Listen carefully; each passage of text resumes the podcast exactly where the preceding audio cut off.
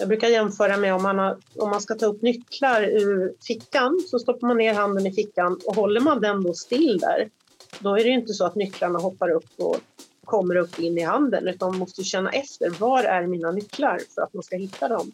Och på samma sätt så behöver man undersöka bäckenbotten, ändtarmen, slidöppningen, levatorn uppåt. Man måste undersöka och faktiskt vara beredd på att få information.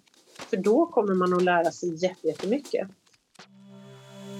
Sex på arbetstid. Sex på arbetstid. Sex på arbetstid. En podd om SRHR för dig som jobbar inom vården.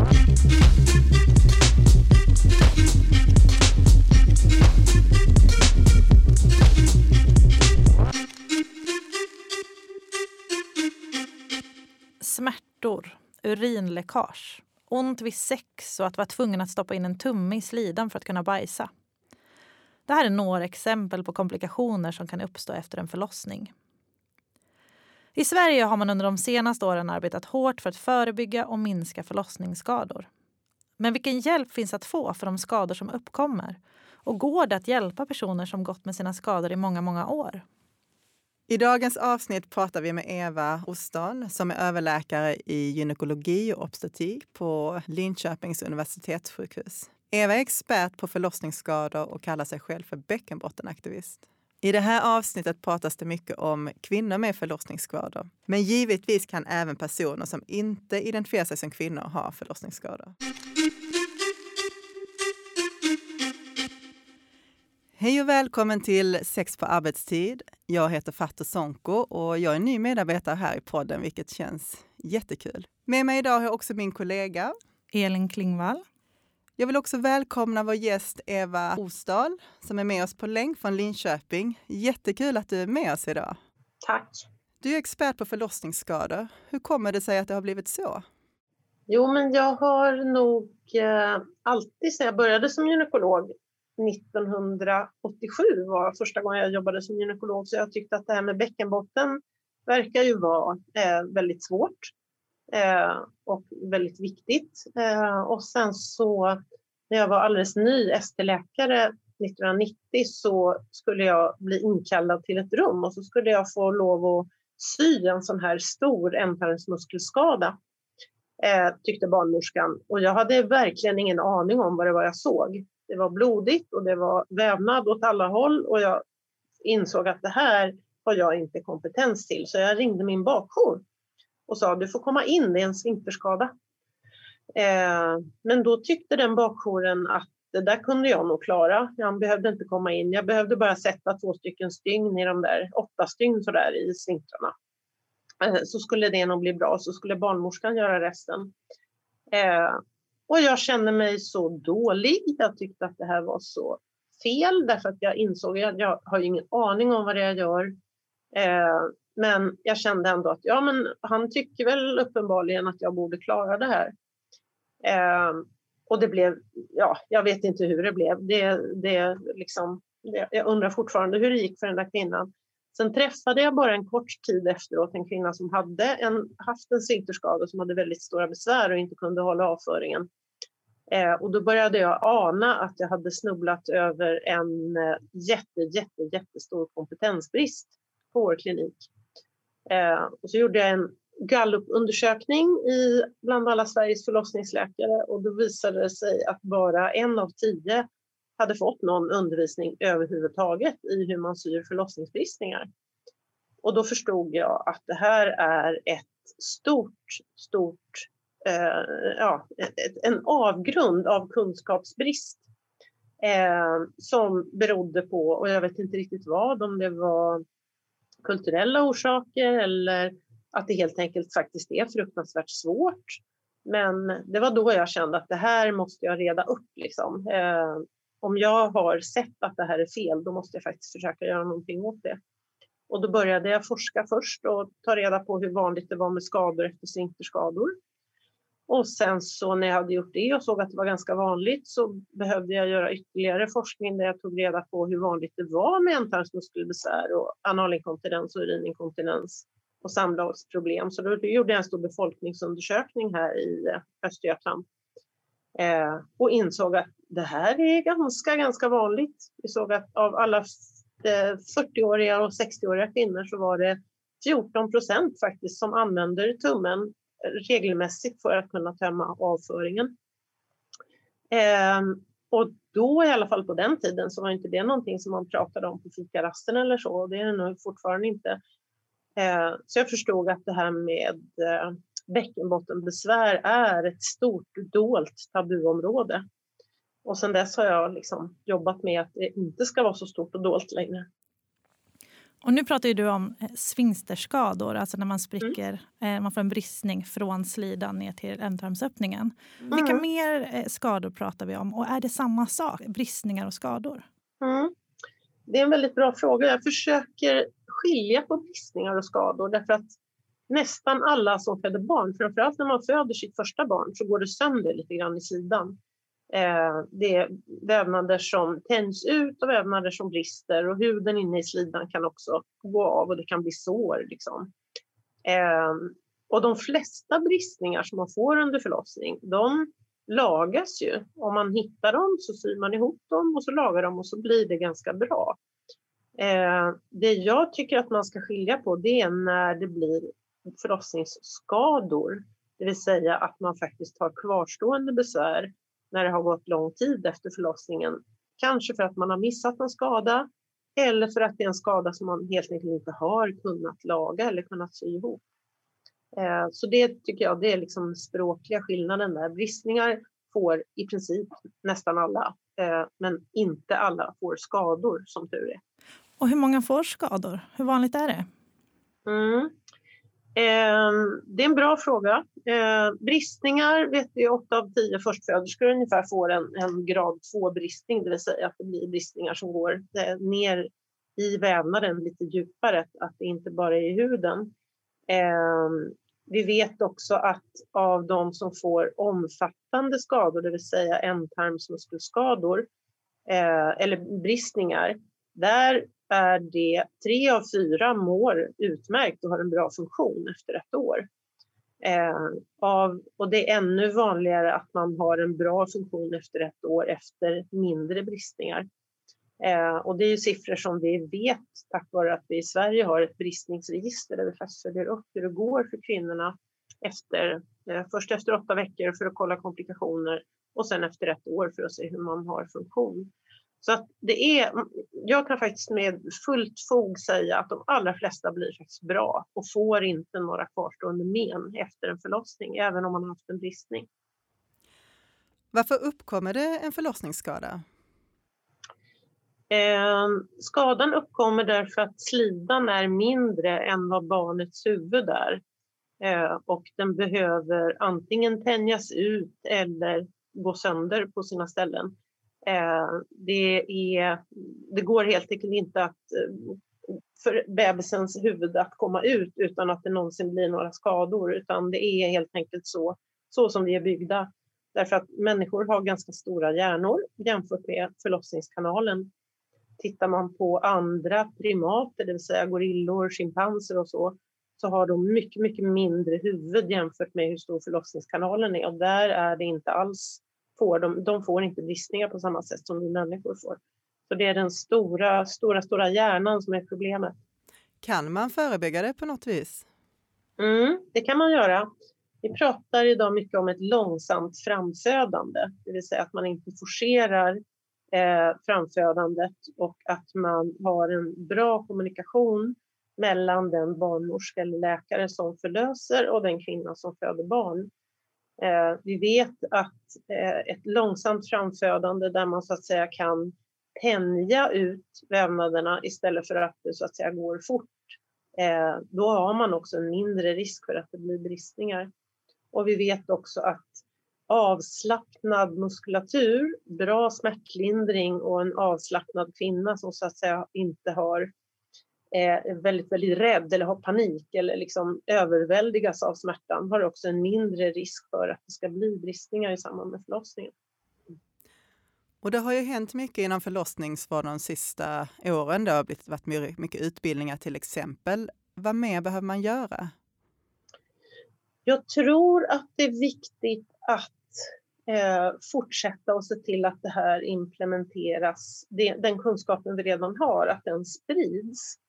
Eh, tidigare har det varit en, en ganska privat sak att föda barn, både för kvinnan men även för den barnmorskan som assisterar vid förlossningen. Det har varit en, har funnits en tradition av att man är så att säga i sin egen lilla bubbla och att det är, eh, det är ju ett, på, på många sätt ett heligt ögonblick. Det är en oerhört stark upplevelse för föräldraparet och för, eh, för barnmorskan.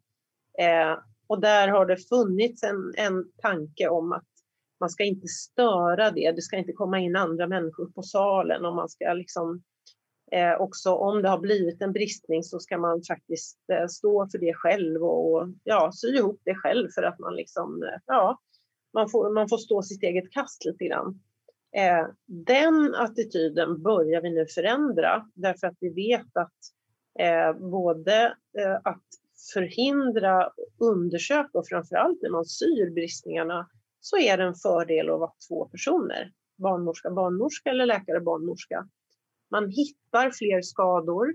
Det blir mindre tabubelagt, det blir mindre skämsigt för personalen. För en del i eh, personalen kan också uppleva att man har misslyckats så att säga, när det har blivit en bristning. Om, man, om det blir mer liksom, ja, bristningar är en del av livet. Det viktiga är att vi lagar dem för då blir det bra. Att man har den attityden mer än att åh nej, det blev en bristning, du är dålig eller liksom sådär. Eh, så att på något sätt avdramatisera det här att ja, bristningar förekommer. Vi ska ha bra smärtlindring, vi ska se till att kvinnan är väl smärtlindad och så ska vi göra en jättebra undersökning efter förlossningen. Och gärna ta in någon mer om man är osäker därför att det är ganska svårt. Det är, inte, det är inte så att det ser ut som det gör på bilderna, att man tar två delar och så syr man ihop dem, utan det här är ju ett tredimensionellt eller sydimensionellt system som man håller på med. Eh, men ju fler gånger man är flera som syr och flera som undersöker, då fördubblas ju kunskapen hela tiden. Det blir liksom en exponentiell kunskapsökning. Och framför allt så får vi med det här att det är, det är så här det är att eh, bristningar förekommer och så ska vi bara laga dem på allra, allra bästa sätt. Är det här en rutin som man har implementerat i många regioner eller hur ser det ut? Det är inte så lätt att veta faktiskt. Vi har ju, det finns ju något som heter bäckenbottenutbildning.se som är ett nationellt utbildningsprogram som vi har, jag har varit med och skrivit tillsammans med andra barnmorskor och andra läkare där vi är ganska tydliga med hur man ska tänka och vilka rekommendationer man har. Sen har vi ju som ni vet regionaliserad sjukvård. Det finns liksom ingen som kan komma och säga ni ska följa detta vårdprogram annars så får ni inga pengar. Liksom. Utan varje region och varje sjukhus har väldigt mycket självbestämmande och egenbestämmande. Och där är det idag olika. På en del håll har man tagit det här till sig man är så att säga early adapters, man, man tar till sig nya arbetssätt och på andra håll så säger man att ja, vi har absolut inga problem med det här. Vi kommer att göra som vi alltid har gjort för det brukar alltid bli bra. Liksom. Så att det är olika och vi har jättesvårt att kartlägga det här därför att det är klart att alla säger att de har, gör så gott de kan. Liksom. Och om man tittar på statistiken så kan man se att det ser olika ut för olika regioner. Mm. Här i Västra Götalandsregionen så ser det till exempel bättre ut än i mm. riket i stort. Har det med de olika rutinerna att göra tror du? Jag kan bara gissa. Jag har verkligen, verkligen ingen aning. Det som är lurigt med just ändtarmsmuskelskador det är att vi har en... Eh, man, man, måste vara väl, när man har låga siffror då måste man vara väldigt, väldigt säker på att man verkligen gör undersökningarna på rätt sätt. Därför att vi vet att det finns länder i världen idag där ändtarmsmuskelskador inte finns helt enkelt. Bra för dem liksom. Men det är ju biologiskt omöjligt. Det finns ju liksom inte. Utan om man inte letar så hittar man inte heller skador. Och vi vet att det förekommer missade skador, att man så att säga har letat, eh, att man inte har hittat. Eh, och där är en jättesvår balansgång, för man kan inte liksom skälla på folk som har låga siffror, men ligger man allt för bra till, då kanske man ska kolla upp alla patienterna efter ett år och kolla, är det som så att vi faktiskt har en del skador som missas? Eh, Så det finns en risk för underdiagnostisering? Jag tror att den blir mindre och mindre. Därför att om man är två och beskriver och benämner och verkligen gör undersökningen i, på det här systematiska sättet, då tror jag att det är också en av, en av orsakerna till att jag tror att vi vet att fler undersökare gör att statistik, skadestatistiken går upp så att säga. Eh, så att, men vi, vi är på gång och jag, jag menar det här är en sån otrolig policyförändring och ett arbetssätt på många förlossningskliniker som jag tror att man måste ha respekt för att det här kan ta lite tid. Och man kan inte hoppa på varenda ny grej som kommer heller. Men det som vi vill det är ju att, att kvinnorna själva ska vara medvetna om och så att säga be, be om undersökning, be om bra bedövning, be om undersökning. Eh, och att man också i så stor mån som möjligt använder nu bristningsregistret till exempel. Och du har ju varit med och skapat bristningsregistret. Vad, vad är bristningsregistret? Bristningsregistret är eh, en uppföljning. Eh, det finns något som heter graviditetsregistret också. Då samlar man in journaldata där man frågar kvinnorna. Eh, eller så att säga, där, där tar man direkt ifrån journalen. Men det är inte patientens egna upplevelser eller hur det blev efter förlossningen. Och bristningsregistret bygger på samma teknik som det stora gynopregistret som har funnits i 20 år i Sverige. Där man faktiskt frågar patienter som har gjort gynekologiska ingrepp efter komplikationer och hur man tyckte att resultatet blev. Och tack vare att jag har jobbat i båda de här systemen så tog jag då 2011 initiativ till att bygga upp även en del som handlar om förlossningsbristningar bygg, byggande då på samma tekniska plattform egentligen som, som gynopregistret. Och tack vare att vi inte behövde börja från början så gick det bara på tre, fyra år så hade vi ett helt nytt register där vi följer upp kvinnorna. Och det är faktiskt unikt. Det finns inte på något annat ställe i världen utan det här är bara Sverige som det här finns i. Så det är lite ballt. Vad är målet med bristningsregistret? Målet är att eh, egentligen det huvudsakliga målet är att förbättra eh, vården. Att göra så att folk får jämföra sig med andra utifrån sina resultat och eh, lära sig hur man ska jobba på ett bättre sätt. Vi har ju, använder det också till forskning. Vi har hittat en massa nya spännande saker som vi inte visste om tidigare vad det gäller eh, ändtarmsmuskelskador och bristningar. Eh, och vi eh, använder det också för att, så att säga, identifiera patienter som kanske har omfattande tarmläckage men som inte orkat söka. Alltså att man bajsar på sig men man tycker det är så pinsamt. Så att man, man kan tänka sig att svara på en webbenkät men man orkar liksom inte gå till sin barnmorska och säga att du, jag kan inte hålla mig. För att det också är så mycket skam och skuld kring de här besvären hos kvinnorna.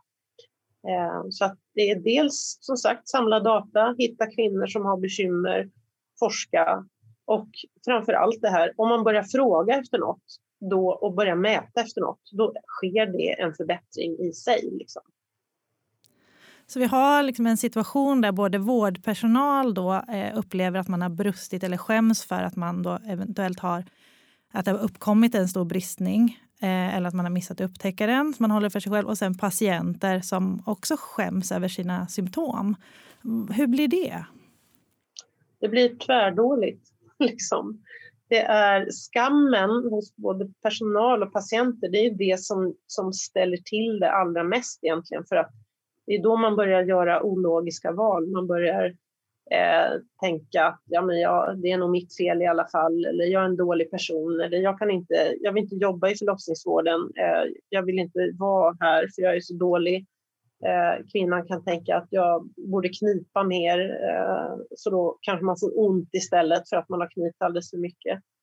Så att, att, så att säga, avdramatisera, avskemifiera så att säga, hela den här delen och, så att det blir som ja, vilken, vilken idrottsskada som helst, tänker jag. Och det har ju blivit lite mer öppenhet kring de här frågorna. Vi har bland annat kunnat följa hashtaggen allt ser fint ut och andra patientberättelser just kring bristningar och skador. Mm. Hur mycket besvär ska egentligen patienter behöva stå ut med? Um, jag tänker så här att mycket handlar om hur, hur, vad det är för progress. första veckan efter en förlossning, då är det ganska rörigt. Det är ganska ömt och det är ganska mycket och det är liksom, ja, det känns ganska, man är ganska så mörbultad. Men att det blir bättre och bättre för varje dag, varje vecka som går. Då tänker jag att då kan man nog, eh, då kan det ha varit ganska rörigt och besvärligt ifrån början. Men om man till exempel har ett, eh, att man inte verkligen inte kan hålla en fis eller att man bajsar på sig eller att man har svåra smärtor när man bajsar till exempel. Det ska man inte gå omkring och vänta på att det kanske blir bra utan då ska man faktiskt söka vård. För då kan det vara missade skador och det kan vara svårt överspända muskler som kan ge svåra smärtor och det behöver man hjälp med. Mm. Samtidigt så är det ju väldigt många personer som går väldigt länge med sina skador. Kan man hjälpa en person som har gått i många år? Man kan nästan alltid hjälpa en person som har gått i många år. Eh, allt handlar inte om operationer, eh, även om man ibland kan så att säga eh, styra upp och få till även missade ändtarmsmuskelskador. Men det finns otroligt mycket annat som man kan göra som har med funktionen att göra, till exempel tarmfunktionen. Ehm, det är också, jag menar, folk har svårt att prata om hur man gör när man bajsar eller hur ofta man går på toaletten. Man börjar ofta fnissa när man börjar prata om att man pruttar eller har gasinkontinens. Och det beror ju på att det här är ett så stort tabuområde. Eh, och där behövs det ju en jätteuppryckning vad det gäller framför allt tarmfysioterapeuter som kan hjälpa patienterna både med träning men också med maten, hur man äter, hur man sitter när man bajsar, att det finns olika knep och tricks man kan ta till, att det är dåligt att stressa, att det är bra att sova. Alltså det finns otroligt mycket man kan göra och även om man så att säga är 80 år och har en missad förlossningsskada så kan man ändå få jättemycket hjälp av, eh, av konservativ behandling. Och framför allt att någon lyssnar på en och är med och fattar att det där låter jobbigt men då kan vi göra så här. Liksom. Det pratas ju mycket om att knipa. Men kan verkligen knipträning hjälpa det mesta? Um, ja, jag tänker att knipträning det är egentligen som vilken annan träning som helst. Det ska, den ska göras väl och det ska, vara, det, det ska göras lagom. Liksom. Eh, knipträning kan vara en, ett problem i de fall där man, har, där man tränar för mycket och en del av musklerna är skadade. Och där kan vi se att en del av de här kvinnorna kan istället få ont när de kniper för mycket. Ehm, men för de allra flesta kvinnor så handlar det om att bara så att säga, återuppta kontakten med sitt underliv så att säga, efter förlossning. Men om man får smärtor när man kniper, då bör man ta hjälp av en speciell bäckenbottenutbildad fysioterapeut för att få hjälp med att göra rätt så att säga.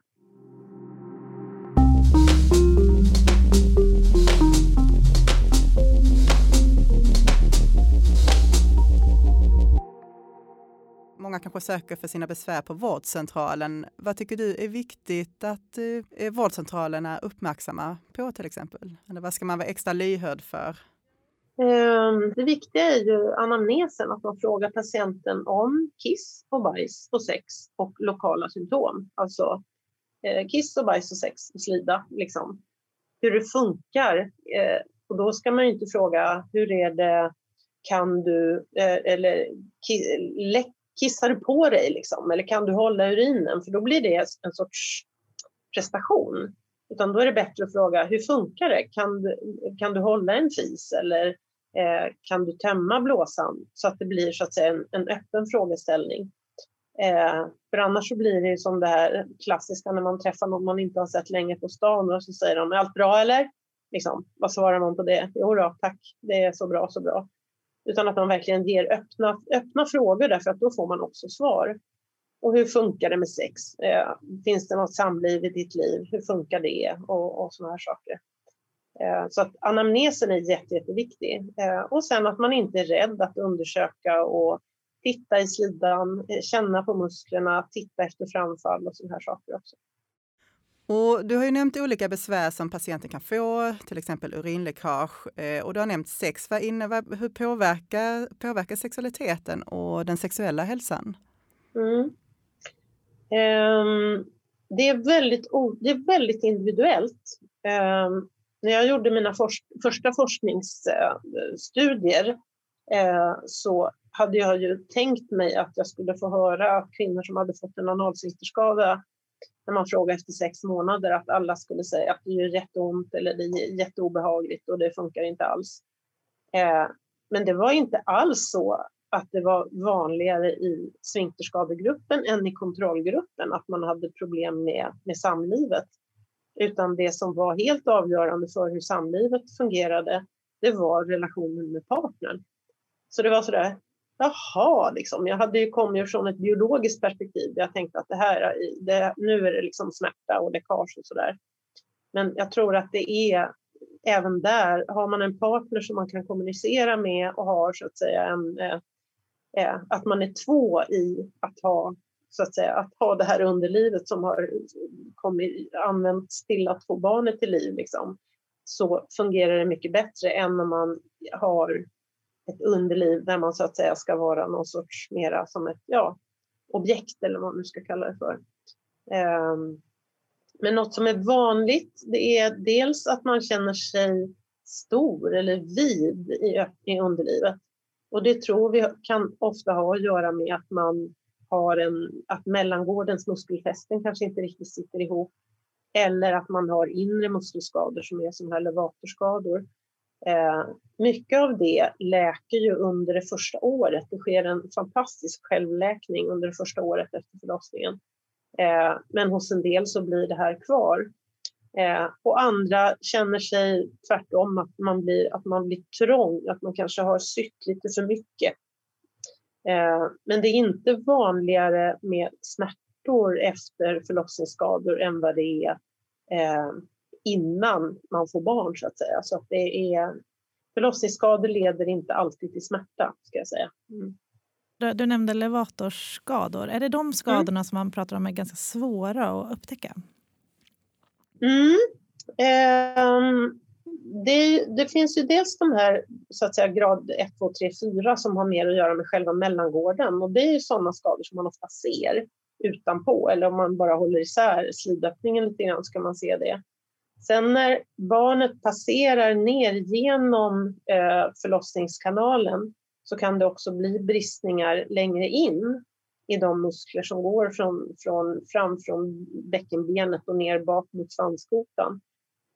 Och de musklerna tänjs ju ut väldigt mycket. De kan ju tänjas ut upp mot tre gånger sin egen längd under förlossningen.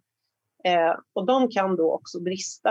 Eh, och man ska säga att en levatorskada den kan ha väldigt, väldigt många olika ansikten. Det kan allt, vara allt ifrån en liten bristning, en muskelbristning som läker helt utan spår till att stora sjok av den här bäckenbottenmuskeln faktiskt lossnar ifrån sina fästen. Eh, och där är kunskapen ganska liten vad det gäller hur vi ska hitta de skadorna direkt efter förlossningen. Därför att det här har man inte letat efter klassiskt sett. Vi vet att det finns vissa sådana här tecken till att levatormuskeln kan vara skadad. Och det är framförallt om man har en väldigt riklig blödning eller får stora blodutgjutningar bredvid slidan efteråt. Eller om man har en så djup bristning så att man ser eh, fettet som egentligen ska ligga inuti eh, bäckenbotten eller bakom bäckenbottenmusklerna. När de syns så är ofta den här muskulaturen skadad. Men det finns ännu ingen statistik på hur vanligt det här är direkt efter förlossning. Varken i Sverige eller i andra länder. Och det är nog helt enkelt för att det här har inte varit en del av utbildningen för läkare eller barnmorskor tidigare. Eh, och fram till 2020 hade vi inte heller någon diagnoskod så att om man väl hittade en sån här skada så kunde man inte benämna den på något sätt. Eh, men nu finns det. Mm. Och, och, hur upptäcker man en sån här skada eller hur, vad bör man göra för att upptäcka en eventuell sådan skada? Man behöver göra en noggrann undersökning, känna med fingrarna, bedöva bra och så känna med fingrarna och sen försöka återställa anatomin så gott det går. För att även om det har blivit muskelbristningar på djupet så kan man ofta bara genom att få ihop, sy ihop den vävnaden som är runt omkring så kan man Eh, Eh, stabilisera bäckenbotten så att det, det, här kan läka så småningom. Men man kan ju jämföra med om man får en, en, eh, om man skadar hälsenan till exempel. Numera opereras ju inte hälsenan om den går av utan då blir man gipsad i flera månader och sen så efter ett år ungefär så får man börja träna igen. Medan om man får en sån här djup muskelskada i samband med förlossning då förväntas man liksom bära barnvagnsinsatsen sen efter två dagar när man ska hem från BB. Liksom. Så att jag tror att vi har jättemycket att lära vad det gäller bäckenbottenrehabilitering som inte bara handlar om träning utan som också kanske handlar om avslappning, vila, högläge, alla de här sakerna som idrottsmedicinerna pratar mycket om men som vi egentligen, ja vi är inte riktigt, vi är inte riktigt där än kan jag säga. Så det kommer att hända mycket de närmaste åren tror jag. Men om man då har gått med en skada eh, och det har gått mer än ett år, man har inte mm. självläkt, vad mm. kan man då göra? Vilka operationer finns? Mm. Eh, de vanligaste operationerna som vi gör mycket av här i Linköping det är att vi går in och öppnar upp innanför, inte utanför i mellangården utan innanför. Eh, och sen så går man in och så hämtar man de muskelfästena som har liksom lagt sig ut åt sidorna så att slidans bakvägg blir ganska bred. Då kan man öppna upp där och ska man hämta, hämta hem de muskelfästena igen och fästa dem mot mellangården så att man får tillbaka det här knipet och lyftet. Liksom. Eh, och det är inte för att man ska bli trängre eller mindre i slidan. Det är liksom ingen kosmetisk operation utan det är för att man ska få tillbaka eh, lyftet och knipet i bäckenbotten. Eh, och den operationen det är ett ingrepp som tar 45 minuter ungefär. Görs här på vår egen mottagning och man eh, behöver vara sjukskriven efteråt för det är ju rätt ont, väldigt ont till och med. Men sen så eh, brukar ungefär ja, 8 av 10 upplever att man känner en avsevärd förbättring när man frågar efteråt. Så det tycker jag borde finnas i hela Sverige, eh, möjligheten till att faktiskt bli eh, lagad och ihopfixad liksom, om, man har, om man fortfarande har bekymmer. Mm. Men det finns inte i alla regioner idag? Det är, ska man säga, det är väldigt svårt att fråga en sån fråga för att frågar man så säger de att ja, men våra kvinnor har inga sådana besvär, det behövs inte här för att det är faktiskt inte så att det är någon som eftersöker det. Och då kanske man inte ens frågar rätt fråga eller hamnar hos rätt läkare jag tror att det kommer alltid att finnas en liten andel kvinnor som inte riktigt blir... Eh, man inte får ihop det helt enkelt direkt efter förlossningen. Eh, och där man kan behöva göra en sån här eh, ja, återskapande rekonstruktiv operation. Eh, ofta gör man ju det kanske inte direkt efter första barnet utan man kanske får sina barn först och sen så när man känner att ja, men nu, nu vill jag ha tillbaka mitt riktiga underliv så gör man det här när man är färdig med barnafödandet, liksom, beroende på hur mycket besvär man har. Mm. En annan vanlig operation, eller operationer är väl så kallade TVT-operationer. Mm, mm. Vill du berätta lite om det? Mm. Jo, det är, det är ganska vanligt med urinläckage. Uh, ungefär uh, fyra av tio kvinnor när man frågar efter, bara några månader efter förlossningen har ju bekymmer med att man att det kan komma en droppe om man hostar eller nyser eller kräks. Liksom, det är det klassiska.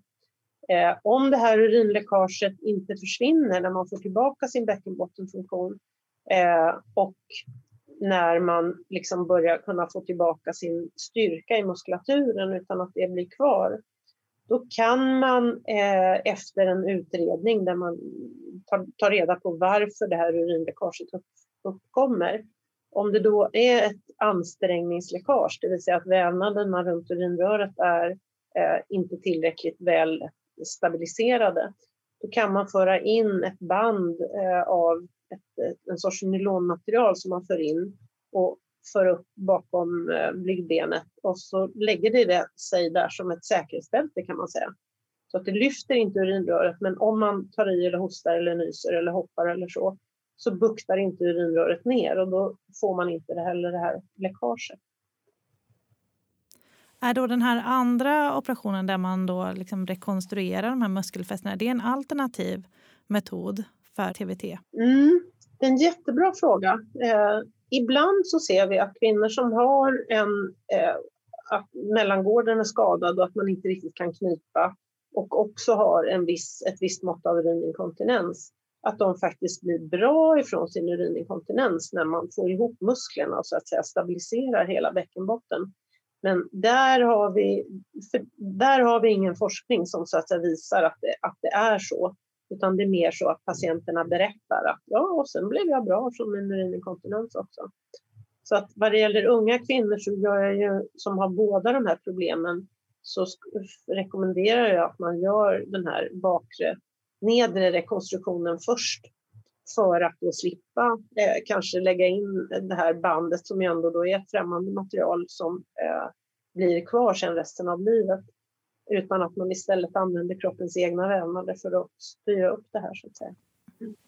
Vi har faktiskt fått in en, en berättelse från en, en lyssnare eh, som har gjort en sån TVT-operation med där man opererat in ett nät som sedan så eroderade och har liksom växt igenom eh, mm. andra, andra vävnader, kommit ut i mm. slidan bland annat. Mm. Är det vanligt med den typen av komplikationer efter de operationerna? Mm.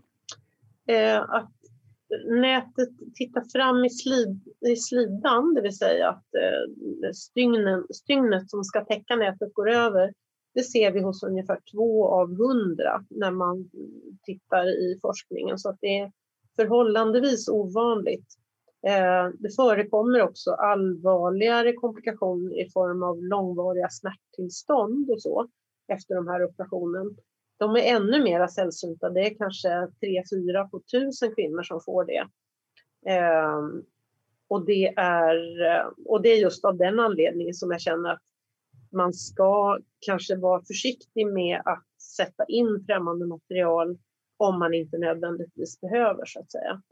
Sen ska man också veta att det är oerhört många kvinnor som har fått tillbaka sin livskvalitet genom att man får det här bandet och faktiskt kan börja träna. Man kan våga ha samlag utan att vara rädd för att läcka och man kan börja promenera igen när man törs gå på bio utan att vara rädd att läcka när man blir lite kissnödig och sådär. Så det är, vi ska inte vara rädda för att använda TVT-operationen för det är ändå en super, super säker och väl beprövad operation. Men man ska inte göra den om det finns annat som man kan göra istället som är lika bra.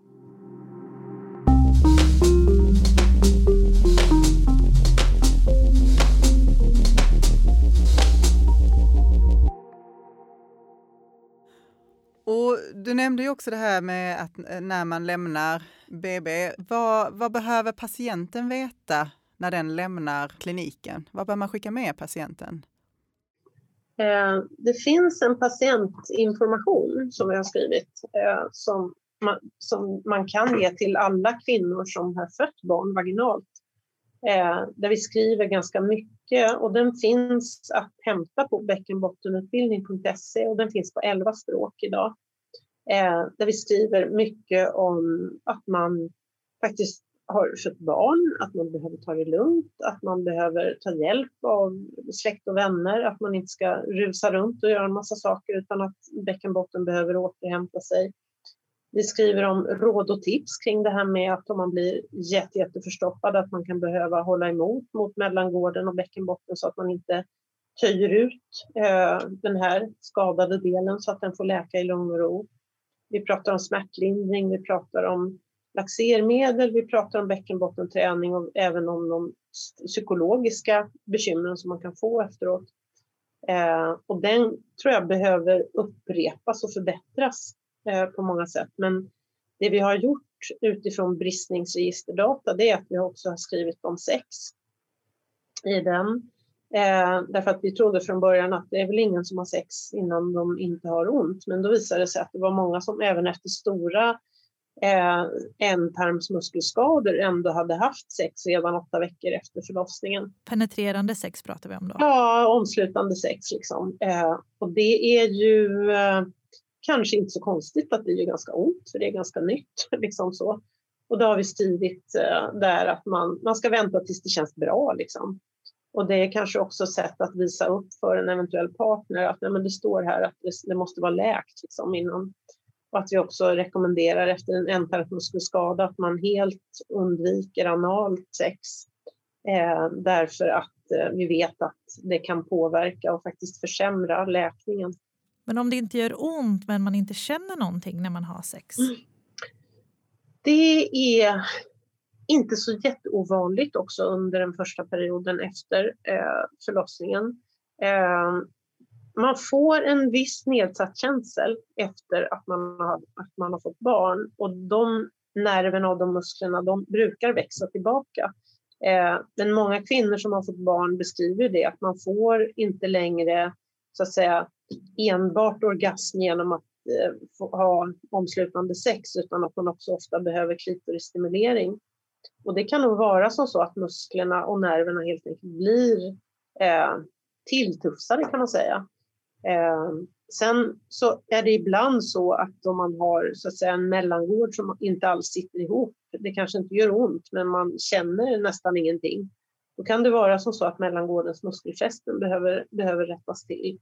Men det är ju sånt som man gör när man har fått tillbaka sin bäckenbottenfunktion, när man känner att man kan knipa så bra man kan men ändå inte har full funktion. Då är det dags att kolla om, man, om det där är något man ska göra någonting åt.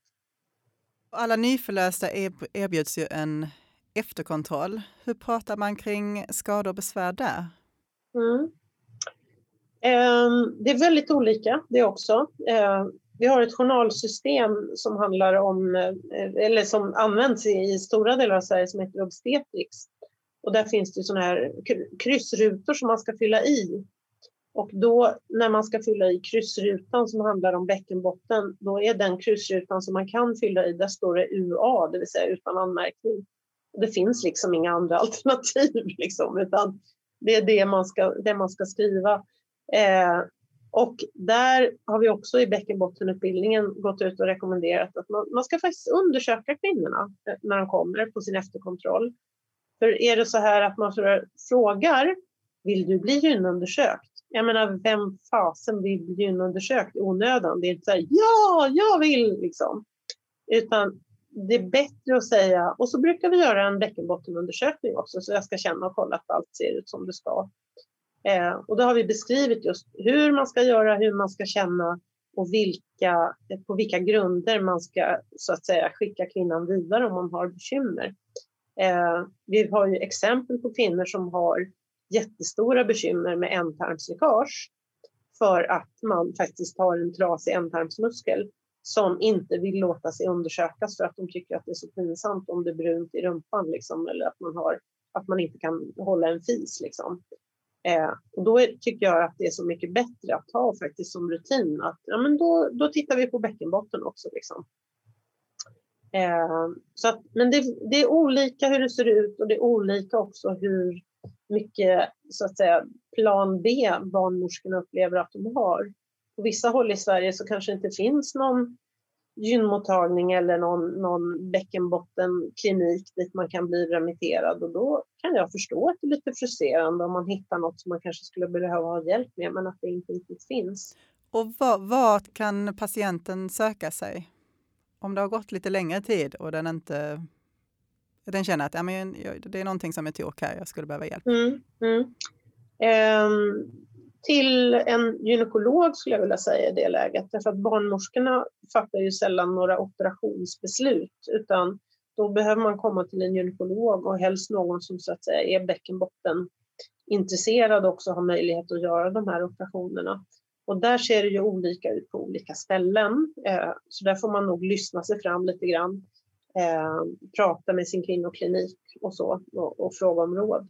Mm. Har vi resurser i Sverige för att hjälpa alla som går med bäckenbottenbesvär? Ja, det har vi. Absolut. Eh, vi har resurser, men vi kanske inte har kunskapen helt och hållet spritt överallt. Men vad skulle du säga skulle behövas för att det ska bli en jämlik vård gällande förlossningsskador? Jag tänker att det är ett... Vi behöver ha nationella utbildningsprogram. Vi behöver ha en avtabuifiering av alltihopa det här. Jag tycker att man ska ha en bäckenbottencertifiering när man jobbar på förlossningen. Jag tycker också att man ska ha en certifiering när man jobbar inom eftervård. Det vill säga hur gör du det här? Eh, om du hittar det, vad gör du då? Att man så att säga har liksom en nationell Eh, kunskaps, eh, liksom lägsta nivå i vad det är man ska titta efter och leta efter. Men det svåra med alla de här sakerna det är ju att det är väldigt mycket erfarenhet och handens kunskap så att säga. Eh, det är inte alltid lätt om du är på mödravården och hittar en, om du är barnmorska till exempel, hittar en missad bristning så springer du inte ut och hämtar. Kom tjejer, kom och kolla, det är en jättestor bristning här, kolla vad intressant. Det funkar ju inte riktigt så, utan det är ju man, man, eh, ja, man är rädd om kvinnans integritet och man är också kanske lite osäker på vad det är man ser. Det är inte så lätt att kalla in en kollega och säga kolla du, är det trasigt här eller liksom. Så det är mycket i kulturen kring bäckenbotten som gör att det, det tar lite tid det här. Tror jag. Och du nämnde ju innan också att det går att förebygga förlossningsskador till viss del genom till exempel ett eh, långsamt framfödande. Eh, Finns det grupper som vi behöver vara extra observanta på som löper större risk att få en förlossningsskada? Ja, det gör det verkligen. Eh, dels så är det kvinnor som inte har, där vi inte har bra kommunikation. Där man av språkliga skäl eller eh, kanske psykologiska skäl har en bristande kommunikation och det kan också vara en bristande tillit liksom, eh, mellan personalen eller till personalen som gör att man, eh, kvinnan helt enkelt inte, ja, hon, hon, hon, hon lyssnar inte och man har inte det här fina samspelet som man behöver ha. Vi vet också att kvinnor som är könsstympade som har operations gamla ärr i slidöppningen har en ökad risk för bristningar och det är ju på grund av att det är så ärrigt runt omkring så att säga. Men det handlar inte bara om själva eh, så att säga, könsstympningsärret utan där kan det också vara en, en kulturell fråga att man så att säga man kanske inte riktigt har ord för eh, de olika kroppsdelarna. Man har inte den här vokabulären som gör att en tolk kan berätta vad det är som är tänkt så att säga. Men vad behöver göras då för att förebygga och förbereda inför förlossning? Jag tänker att här borde väl barnmorskan som följer graviditeten ha en viktig uppgift? Mm. Jag tror det också. Eh, och vi vet också att kvinnor som inte är förvårdade, som inte har varit hos barnmorska eller haft den kontakten, eh, har också en större risk för både komplikationer, akuta kejsarsnitt och bristningar. Eh, och det kan ju också vara för att det finns, eh, jag menar, det finns alla, alla, alla, alla möjliga varianter på människor som föder barn. Och man kan ha svåra psykiatriska sjukdomar, tvångssyndrom och sådana här saker som gör att man kanske helt enkelt inte kan ta emot den här informationen. Finns det andra riskfaktorer? Stora barn är ju en riskfaktor eh, och där vet vi att kvinnor som har eh, till exempel graviditetsdiabetes, i alla fall förr i tiden innan man hade koll på barnets storlek innan man hade bra behandling, där är ju risken också större. Vi vet också att instrumentella förlossningar där man behöver lägga en sugklocka för att hjälpa ut barnet, då har man en högre risk.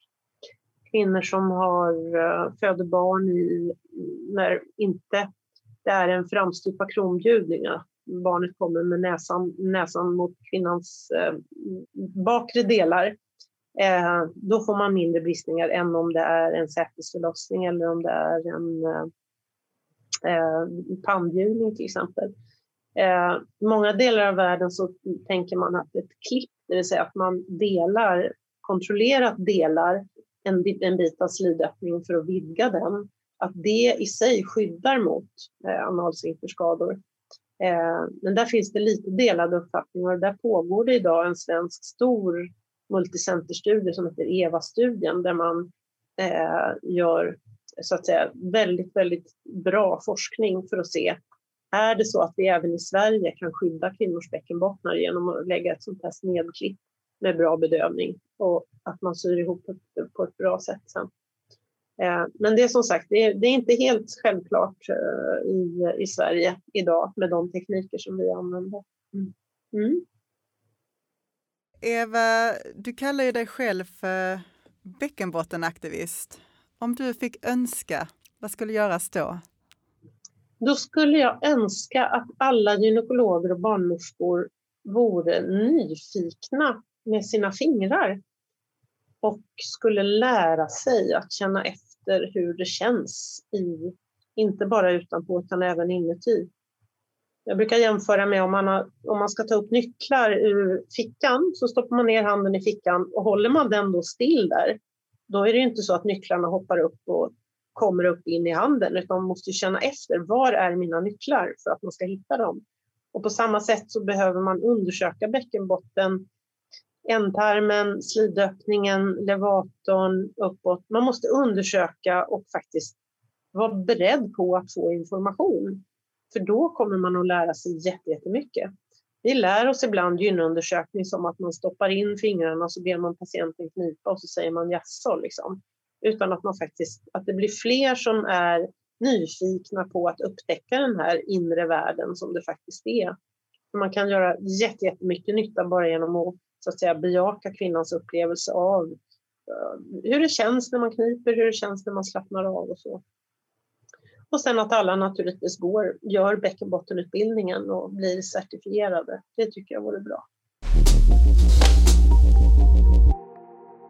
Vi brukar avsluta våra program med att vår gäst får ge tre tips till annan vårdpersonal.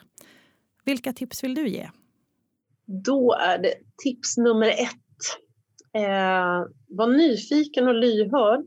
Eh, om en kvinna beskriver besvär, ta inte direkt och säg att det där lilla gumman, det får man räkna med, utan lyssna på henne och så förklara för henne vad det är som kan göra att hon har de besvären. Eh, tips nummer två är utveckla nyfikna och känsliga fingrar. Undersök bäckenväggarna, undersök musklerna, ta reda på vilka muskler det är man känner. Eh, för att, och, och, gör det hos patienter som är, som är friska och som mår bra. Och berätta att nu ska jag känna på bäckenbottenmusklerna så att man får sitt eget inre kartotek av friska underliv så att man kan jämföra.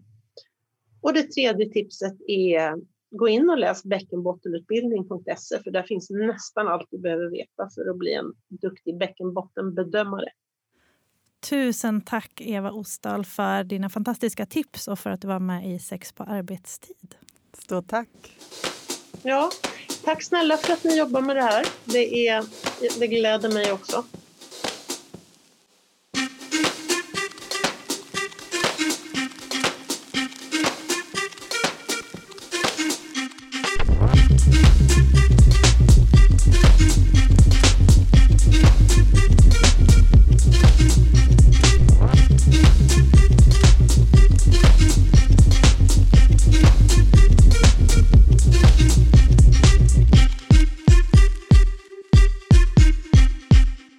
Hört Sex på arbetstid, en podd som görs av Kunskapscentrum för sexuell hälsa, en del av Västra Götalandsregionen. Producent var Elin Klingvall.